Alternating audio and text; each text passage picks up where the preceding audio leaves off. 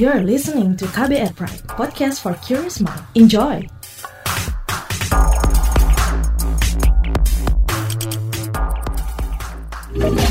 Kamu lagi dengerin What's Trending KBR Pagi. Apa kabar Anda hari ini di hari Selasa 21 April 2020? Ketemu lagi dengan saya Don Brady di What's Trending KBR Pagi yang masih siaran dari rumah. Ya kan, yang masih tetap semangat, yang masih tetap bertahan di rumah. untuk ya untuk mencegah penularan uh, apa namanya mata rantai COVID-19 ya kan. Saya harap Anda juga masih tetap bertahan di rumah, masih tetap di rumah saja buat yang memang ada kesempatan untuk bekerja dari rumah ya. Sama-sama bertahan kita ini, oke? Okay? Dan by the way, selamat Hari Kartini. Nah, pagi ini kita akan ngobrolin soal Hari Kartini. Nah, penyanyi Yuni Sara itu menyambut Hari Kartini ini dengan cara mengajak para perempuan bersatu mengalahkan COVID-19 dengan cara yang mudah. Jadi melalui akun Instagramnya ia mengunggah pesan itu bagi seluruh perempuan di Indonesia. Seperti apa? Kita coba dengarkan berikut cuplikannya. Untuk Kartinian uh, tahun ini kondisinya berbeda. Gimana kalau kita membuatnya menjadi Kartinian berbagi kasih? Terus piye caranya? Piye caranya? Gimana kalau kita misalnya berbagi masker yang terbuat dari kain, bahan atau berbagi mie instan. Atau berbagi hand sanitizer. Pokoknya apa aja. Opo aja sembarang. Yang penting uh, ada manfaatnya buat kondisi saat ini. Teknisnya gimana cara bagiinnya? Bisa taruh di depan rumah. Ambil seperlunya. Ini kita berbagi dari perempuan perempuan nih. Yang ini juga perempuan nih. Jadi bisa ambil dari rumah eh, dari depan rumah ditaruh di, di depan rumah. Bisa nitip di RT RW atau misalnya kalian bersahabat gitu bikin ngumpul gitu dibatasin tapi dengan memakai apalah kebaya atau baju daerah gitu sambil merayakan hari Kartini tapi berbagi berbagi kasih gitu. Jadi pasti seru. Nanti posting sebanyak-banyaknya di sosial media anda semuanya dan kita akan lihat gimana dahsyatnya perempuan bergerak perempuan berbagi untuk bangsa ini. Oke setuju gak sih kita lihat betapa dahsyatnya perempuan Indonesia berbagi dan bergerak. Selamat menyambut Hari Kartini. Sementara itu, belum lama ini dalam pertemuan virtual dengan sembilan menteri luar negeri perempuan dari berbagai negara yang membahas dampak pandemi virus corona terhadap perempuan, Menteri Luar Negeri Republik Indonesia Retno Marsudi menegaskan pentingnya perempuan di tengah pandemi COVID-19 ini. Ia pun menyebut data dari Organisasi Kependudukan PBB UNFPA dan UN Women tentang peran signifikan perempuan dalam melawan corona COVID-19, yakni sebesar 70% tenaga medis global adalah perempuan. Artinya, perempuan berada di garda depan dalam penanganan pasien. Selain itu, jumlah pelaku UMKM perempuan di Indonesia mencapai 37 juta sekitar uh, 64% dari total UMKM di Indonesia ya. Dan sekitar 60% UMKM Indonesia yang dimiliki perempuan memproduksi hand sanitizer, baju hazmat atau APD dan juga masker. Ini yang akan kita obrolin pagi ini. Jadi jangan ke mana-mana, tetap di What's Trending KBR Pagi. What's Trending KBR Pagi. Masih di What's Trending KBR Pagi, masih bersama saya Don Brady dan masih ngobrolin soal Hari Kartini. Yang tepat selalu kita peringati di setiap tanggal 21 April setiap tahunnya ya.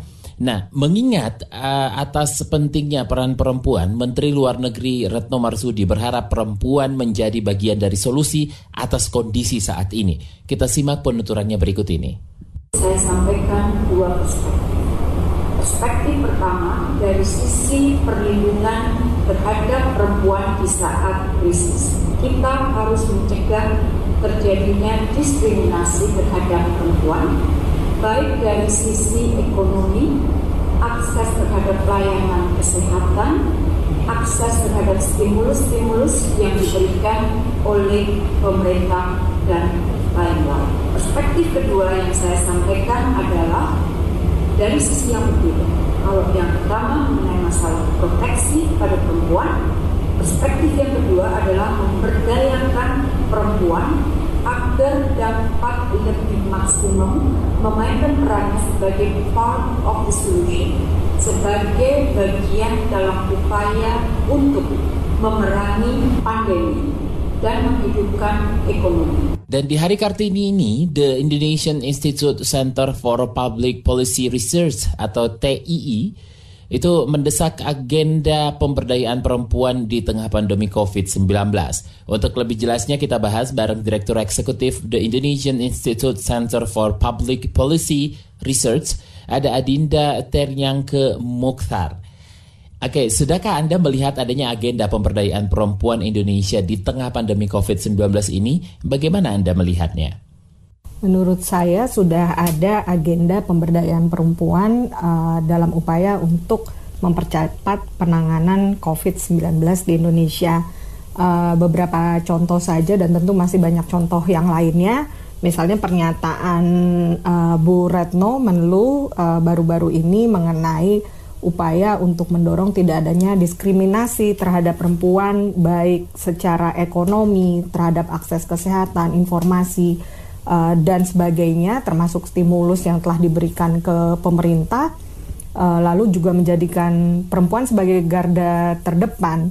Uh, jangan lupa juga uh, untuk mempertimbangkan bahwa perempuan itu memiliki posisi yang berbeda-beda ya. Artinya ada yang perempuan bekerja, perempuan ibu rumah tangga, dan yang bekerja pun ada di beragam ranah, baik informal maupun formal yang juga terkena dampak krisis corona ini. Dan lagi-lagi bicara agenda pemberdayaan perempuan seperti yang saya bilang tadi baru pernyataan uh, Ibu Ratno yang kita lihat bagus ada komitmen pemerintah di situ, tapi di sisi lain juga ada inisiatif juga dari pemerintah daerah seperti pemerintah provinsi Jawa Tengah yang mendorong untuk memberdayakan kelompok masyarakat khususnya perempuan dengan kriteria-kriteria yang sudah ditentukan untuk memproduksi masker. Ini juga bagian dari bantuan sosial tapi juga program pemberdayaan terhadap perempuan. Saya kira kita juga perlu mencatat juga inisiatif dan solidaritas kelompok-kelompok yang peduli terhadap perempuan, baik itu di aspek hukum, ekonomi maupun lainnya. Seperti apa memangnya dampak dan tantangan perempuan dalam situasi ini? Eh, kita juga telah membaca catatan akhir tahunnya Komnas Perempuan yang pada intinya juga mendorong agar dilakukan pendekatan HAM terutama terhadap perempuan yang rentan di tengah masa penanganan COVID-19.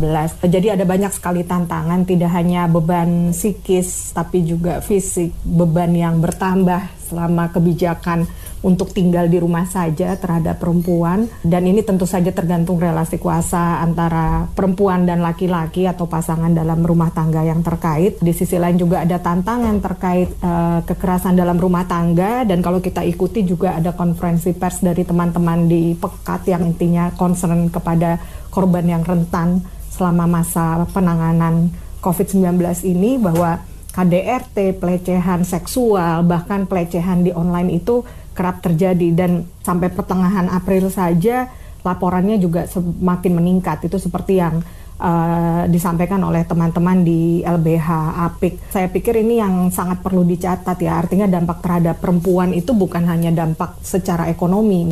Oke, okay. bagaimana semestinya pemberdayaan yang uh, tepat dilakukan? Pemberdayaan perempuan tidak cukup dari level individunya, tapi juga dari level kolektif uh, pemikiran feminis juga mendorong adanya transformasi sosial yang tidak hanya dilakukan oleh perempuan, tapi laki-laki, gender lainnya, tua, muda, dan di berbagai level. Karena yang kita ingin dorong adalah transformasi sosial, di mana ada kepekaan gender, ada juga upaya untuk mendorong kesetaraan dan keadilan uh, bagi setiap orang, regardless uh, jenis kelaminnya, latar belakangnya, uh, dan sebagainya.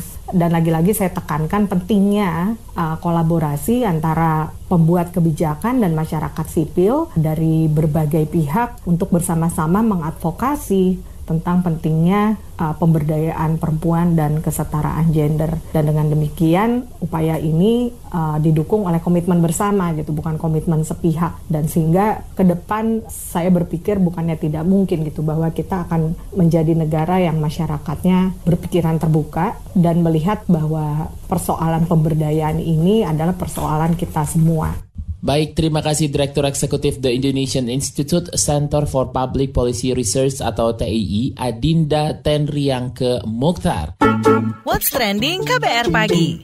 Ya, di tengah pandemi ini mungkin kita memperingatinya bisa dengan cara yang berbeda. Jadi, Salah satunya pemberdayaan telah dilakukan kepada perempuan-perempuan di desa peduli gambut agar mampu menghadapi masa pandemik COVID-19 secara lebih tangguh.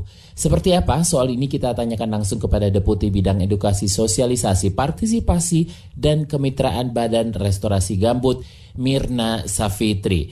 Oke, okay, uh, eh, Mbak Mirna, bagaimana perempuan di desa-desa peduli gambut diberdayakan di tengah pandemi COVID-19 ini?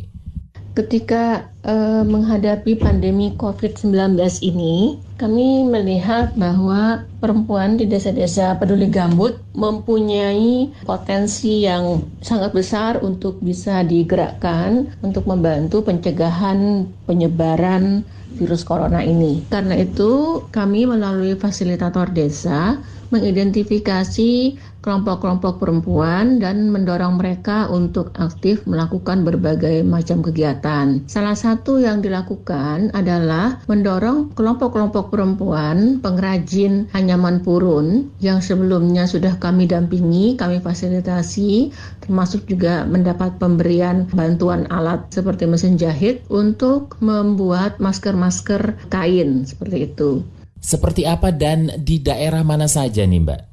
Kelompok-kelompok ini ada di Kalimantan Selatan, ada di uh, Sumatera Selatan. Jadi kami lakukan kegiatan baru untuk membuat masker-masker kain tersebut. Di samping itu, itu juga ada kelompok-kelompok perempuan yang lain yang menjadi kader uh, sekolah lapang petani gambut yang itu uh, mengembangkan pertanian-pertanian pekarangan termasuk juga uh, pengembangan tanaman uh, obat keluarga di mana mereka menanam tanaman-tanaman rimpang seperti kunyit jahe dan lain-lain.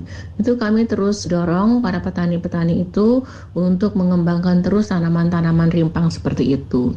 Apa targetnya dan hasilnya seperti apa? Setelah para kelompok-kelompok pengrajin itu membuat masker, itu ternyata bertepatan dengan kebutuhan dari pemerintah desa yang sesuai dengan surat edaran dari Menteri Desa itu dapat merealokasi dana desa uh, untuk upaya mencegah penyebaran virus corona. Jadi ada kebutuhan bagi pemerintah desa untuk mendapatkan masker-masker kain guna dibagikan kepada penduduk. Nah ini yang kemudian dipenuhi oleh kelompok-kelompok pengrajin anyaman purun tersebut. Dan mulai minggu ini kami secara serentak di 24 desa yang ada di enam provinsi yaitu di Sumatera Selatan, Jambi dan Riau, Kalimantan Barat, Kalimantan Tengah, Kalimantan Selatan itu menyediakan dukungan kepada kelompok-kelompok perempuan di 24 desa tersebut untuk memproduksi totalnya itu ada 60 ribu masker kain. Dengan kegiatan ini kami ingin menunjukkan bahwa perempuan mempunyai peran yang penting untuk bersama-sama dengan uh, semua uh, elemen dari bangsa ini untuk menghadapi penyebaran COVID-19. Semua kemampuan perempuan dapat didayagunakan untuk mendukung upaya tersebut seperti yang dilakukan oleh kelompok-kelompok perempuan pengrajin dan juga perempuan kader sekolah lapang yang ada di desa-desa peduli gambut. Baik, terima kasih Deputi Bidang Edukasi, Sosialisasi, Partisipasi, dan Kemitraan Badan Restorasi Gambut, Mirna Safitri. Meski demikian, kita di peringatan Hari Kartini ini malah uh, masih terusik dengan angka KDRT yang justru menguat selama masa pandemi COVID-19 ini ya. Anggota Lembaga Bantuan Hukum Asosiasi Perempuan Indonesia untuk Keadilan atau LBH APIK, Tuani Sondang Rezeki Marpaung, dalam wawancara bersama Dewi Indonesia yang dilansir Tempo mengungkapkan terjadi peningkatan pengaduan kasus kekerasan, perkosaan, pelecehan seksual dan pornografi online di masa social distancing ini. Tuani mengimbau kepada para perempuan yang mengalami KDRT di masa pandemi seperti sekarang bisa menyampaikan kepada LBH Apik untuk diberi pendampingan. Kita dengarkan apa kata Miska BR berikut ini ya kira-kira dia memperingati Hari Kartini di tengah masa pandemi COVID-19 ini seperti apa? What's Trending KBR Pagi Penasaran sama komentar Miss KBR? Ini dia Miss KBR Corona, oh Corona kapan sih kelarnya ini? Ini virus emang gak pandang bulu, adil dan gak pilih-pilih. Emang situ demen pilih-pilih. Dari tukang sapu, penjaga toko sampai perdana menteri ada yang kena loh corona. Eh, apa mungkin Miss KBR juga udah kena tapi nggak ada gejala? Siapa yang tahu ya kan? Mau nggak bisa tes? Dan efek dominonya kan nggak cuma terjadi di bidang kesehatan, ekonomi, budaya, bahkan gender. Iya, bener. Antara laki-laki dan perempuan, itu virus atau COVID-19 itu punya dampaknya beda loh. Tingkat kematian lantaran corona lebih tinggi laki-laki daripada perempuan. Misalnya nih, di Amerika, pria dua kali lebih banyak meninggal. Sementara kalau di Eropa Barat, 69% dari semua kematian akibat virus corona adalah laki-laki. Nah, pola kayak gitu tuh muncul di banyak negara lain. Akan tetapi saudaraku, di luar dari aspek kesehatan itu, perempuan emang lebih rentan dalam pandemi ini. Gak cuma dari segi kesehatan, tapi juga sosial. Uh, berasa jadi pengamat ala-ala di acara klub-kluban itu ya. Anyway, kalau kata Sekjen PBB Antonio Guterres, meningkatnya tekanan sosial dan ekonomi akibat pandemi berbuah meningkatnya kasus KDRT alias kekerasan dalam rumah tangga pada perempuan dan anak-anak perempuan. Padahal kan kudunya rumah jadi ruang aman ya kan? Konon ada banyak negara yang melaporkan peningkatan KDRT itu, misalnya kayak Prancis. Nah, kasus KDRT meningkat hingga sepertiga dalam satu minggu. Sementara di Afrika Selatan mencatat setidaknya 90 ribu pengaduan KDRT terhadap perempuan pada minggu pertama diberlakukannya pembatasan wilayah. Nggak cuma itu sih pastinya ya, perempuan yang kerja dari rumah juga pastinya ditambahin beban kerja rumah tangga sepaket sama ngurusin anak suami, ya kan? Secara sekolah juga libur. Suami, syukur-syukur kalau ada yang sadar dan bantu-bantu, ya kan? Nggak semua-mua diserahkan ke istri lantaran alasan pembagian tugas konvensional yang selama ini udah melembaga di masyarakat. Damn, kok jadi serius sih? Lah, emang ini perkara serius ya kan? Jadi suami, jangan pura-pura nggak denger, yes? Itu dia tadi komentar dari Miss KBR. Mau tahu besok Miss KBR bakal komentar apa lagi? Tungguin cuma di KBR Pagi. What's Trending KBR Pagi Saya Dom Pradi pamit, besok ketemu lagi. Stay safe dan tetap di rumah aja ya. Bye-bye. Terima kasih ya sudah dengerin What's Trending KBR Pagi KBR Prime, cara asik mendengar berita KBR Prime, podcast for curious mind.